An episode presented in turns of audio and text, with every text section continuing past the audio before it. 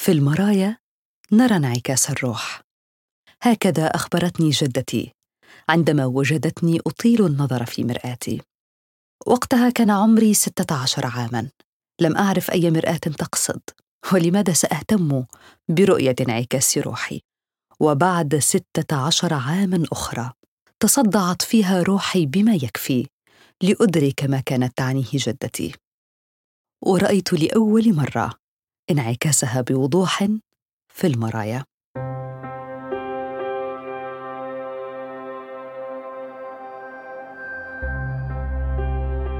أنا يسرى أمين وهذا بودكاست مرايا.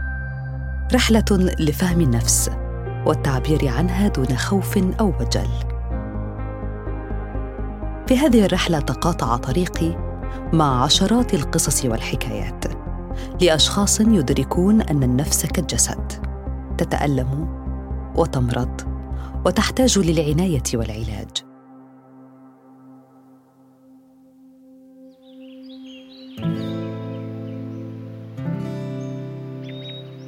عايزة أطلع عايزة أتنفس عايزة أتكلم. لأول مرة في حياتي.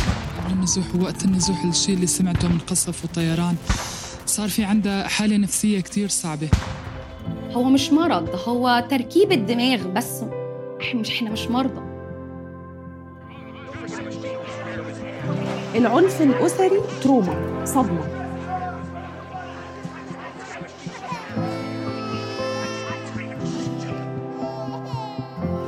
إحنا محتاجين صيانة نفسية.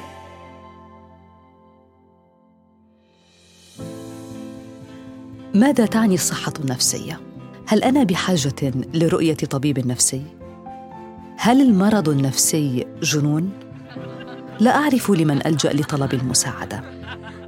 وإذا طلبت المساعدة كيف سأواجه وصمة المجتمع؟ هل تعلم أن نحو مليار شخص في أنحاء العالم يعانون اضطرابات نفسية؟ القلق والاكتئاب الشكلان الأكثر شيوعا من تلك الاضطرابات. وما يقرب من خمسين بالمئة من البالغين يعانون من مرض نفسي في مرحلة ما من حياتهم بحسب منظمة الصحة العالمية. ولأنه لا يمكن دائما تمييز المرض النفسي بشكل واضح عن السلوك الطبيعي. ففي المرآة الأولى سنقف ونتساءل. هل أنا مريض نفسي؟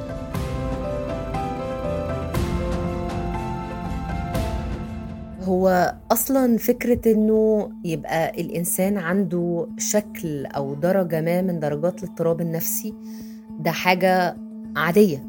يعني مش حاجة إيه ده إزاي يعني؟ لأ هو إحنا كلنا بشريا لازم يبقى فيه هامش من الخبرة النفسية المؤلمة أو هامش من الاضطراب النفسي. هي الأزمة مش في هذه حنان مسلم.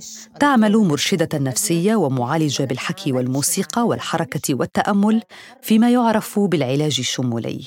العلاج الشمولي لأن أنا مش بس بستخدم علم النفس كقواعد علمية قواعد الإرشاد النفسي لكن كمان بمزجها بحاجات ليها علاقة بالفنون عشان أساعد الجسم إنه كمان يتحرر من مخاوفه طيب حنان ما الفرق بين الطب النفسي والإرشاد النفسي؟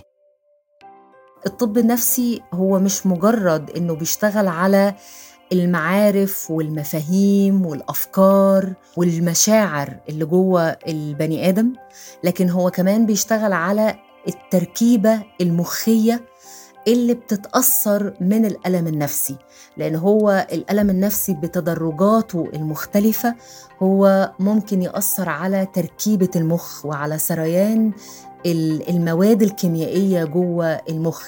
ما يتعلق بقى بالمشورة النفسية أو الإرشاد النفسي هم قايمين على فكرة الحديث مع البني آدم اللي عنده خبرة نفسية مؤلمة. بيعملوا خطة علاجية ولكن خطة علاجية مش قايمة على أدوية ولكن خطة علاجية قايمة على تحسين جودة الحياة. في المرآة الثانية ندرك العلة. فإذا كنت تجد صعوبة في النهوض من سريرك صباحاً واحتساء قهوتك وارتداء ملابسك استعدادا ليوم جديد. فربما هو جرس إنذار أنك لست بخير كما تعتقد. في حاجات أنت المفروض إنها طبيعية وسهلة وفي حياتك اليومية وفي الروتين الطبيعي مش قادر تعملها يبقى كده في حاجة. في فرق ما بين أنا مش عايز أخرج عشان أنا عايز أرتاح وما بين أنا مش عايز أخرج عشان أنا خايف من الناس. أنا قلقان لا يحكموا عليا أنا مش عارف أتعامل. ده كده كلها إنذارات وكلها إشارات. وهذه ليست العلامات الوحيدة لتدرك أنك تعاني نفسيا. التطرف في المشاعر أيضا علامة مقلقة. إحنا كلنا طبيعي إن إحنا نعيط. إحنا أصلا لازم نعيط عشان دي حاجة صحية. لو لقيت نفسك ما بتعيطش خالص مهما كان الموقف مؤلم اعرف إن في حاجة. لو بتلاقي نفسك بتعيط كتير زيادة عن اللزوم يبقى تعرف إن في حاجة. يبقى إذا أول حتة من الميزان عشان نفهم منه إنه في حاجة مأفورة في حاجة متطرفة. في المرآة الثالثة اعترف أنك بحاجة للمساعدة.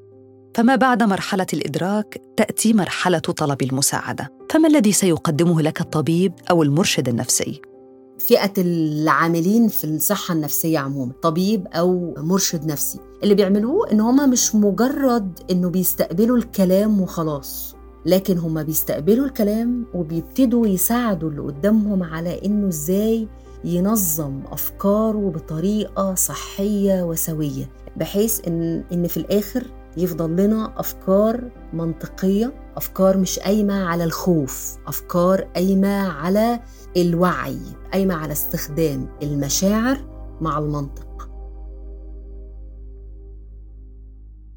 العلاج أمر ضروري. إذا كان المرض أو الفيروس يقاس بارتفاع درجة الحرارة أو أحد العوامل الفسيولوجية الأخرى فإن المشاكل النفسية لا يمكن رؤيتها أو قياسها بسهولة.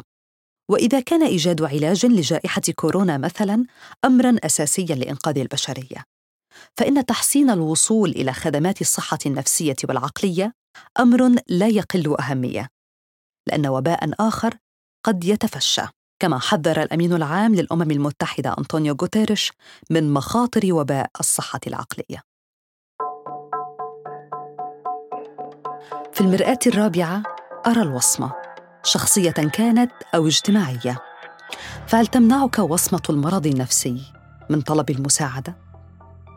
المدارس الحديثة من علم النفس ضد فكرة ال labeling ال labeling يعني إن أنا أخلي البني آدم اللي قدامي حاسس إنه كأن مكتوب على جبينه كده حد كاتب له أنا أنا اكتئاب أنا bipolar أنا شخصية تجنبية أنا عندي anxiety disorder المدارس الحديثة من علم النفس ما بقتش تقول للبني آدم أنت عندك كذا لأنه أنت عندك كذا دي بقت بتتسبب في إن هي أصلا بتخلي البني آدم حاسس إن هو شايل شيلة هو موصوم.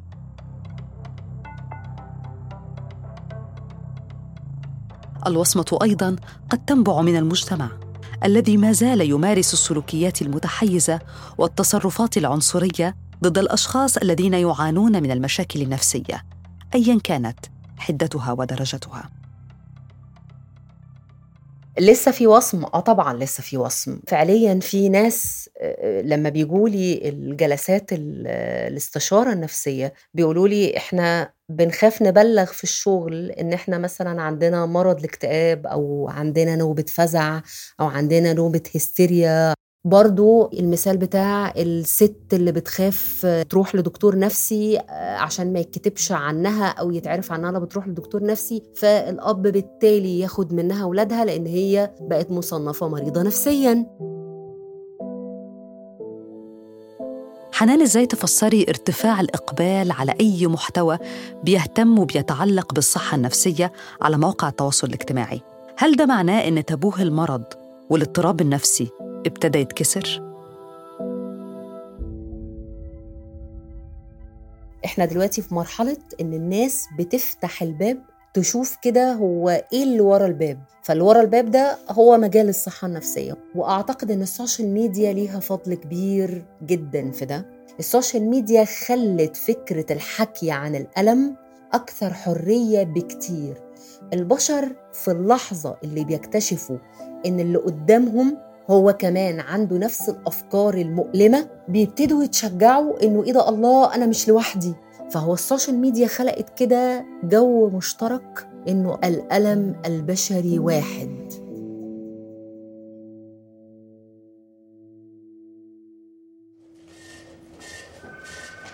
قد يأتي يوم لنتعامل فيه مع العلاج النفسي على اعتبار أنه رفاهية. يوما ما قد يتمكن شخص يعاني نوبة قلق أو اكتئاب من الاتصال بعمله صباحا والإبلاغ عن إجازة مرضية لأنه لا يشعر أنه بخير ولأن المرض النفسي لا يختلف عن المرض العضوي. يعني إيه حد مريض اكتئاب مش من حقه إنه ياخد أجازة نفسية. هو مش لازم القولون يلتهب ولا الرئتين يجي فيهم نزلة شعابية حادة عشان تدوني أجازة مرضي. لا ما هو أنا لما بيبقى عندي نوبة فزع دي بتوازي النزلة الشعابية. لما بيبقى عندي نوبة هستيرية للعياط دي بتوازي التهاب القولون. فأنا ليه ما عنديش في القوانين بتاعت المجتمعات العربية تفعيل لبنود للحفاظ على حق الموظفين في أخذ أجازة نفسية؟ psychological leave. واحدة من أهم أمنياتي وأهدافي في الحياة إنه يوما ما يحصل في مصر وفي الدول العربية إنه يبقى الصحة النفسية هي جزء من مناهج التعليم. يقول سيغموند فرويد مؤسس مدرسة التحليل النفسي وعلم النفس الحديث إن النفس الإنسانية أشبه ما تكون بجبال الثلج الغارقة في محيط متلاطم. لا يظهر من جبل الثلج إلا الثلث والباقي متوار خلف تراكمات المحيط وتموجاته. سنحاول في حلقات مرايا القادمة الكشف عن ثلثي جبل الثلج. هذا البودكاست ما هو إلا محاولة للغوص في النفس البشرية وباب يفتح على مشاعر وأوجاع وأفكار واضطرابات احتفظ بها أصحابها لسنوات.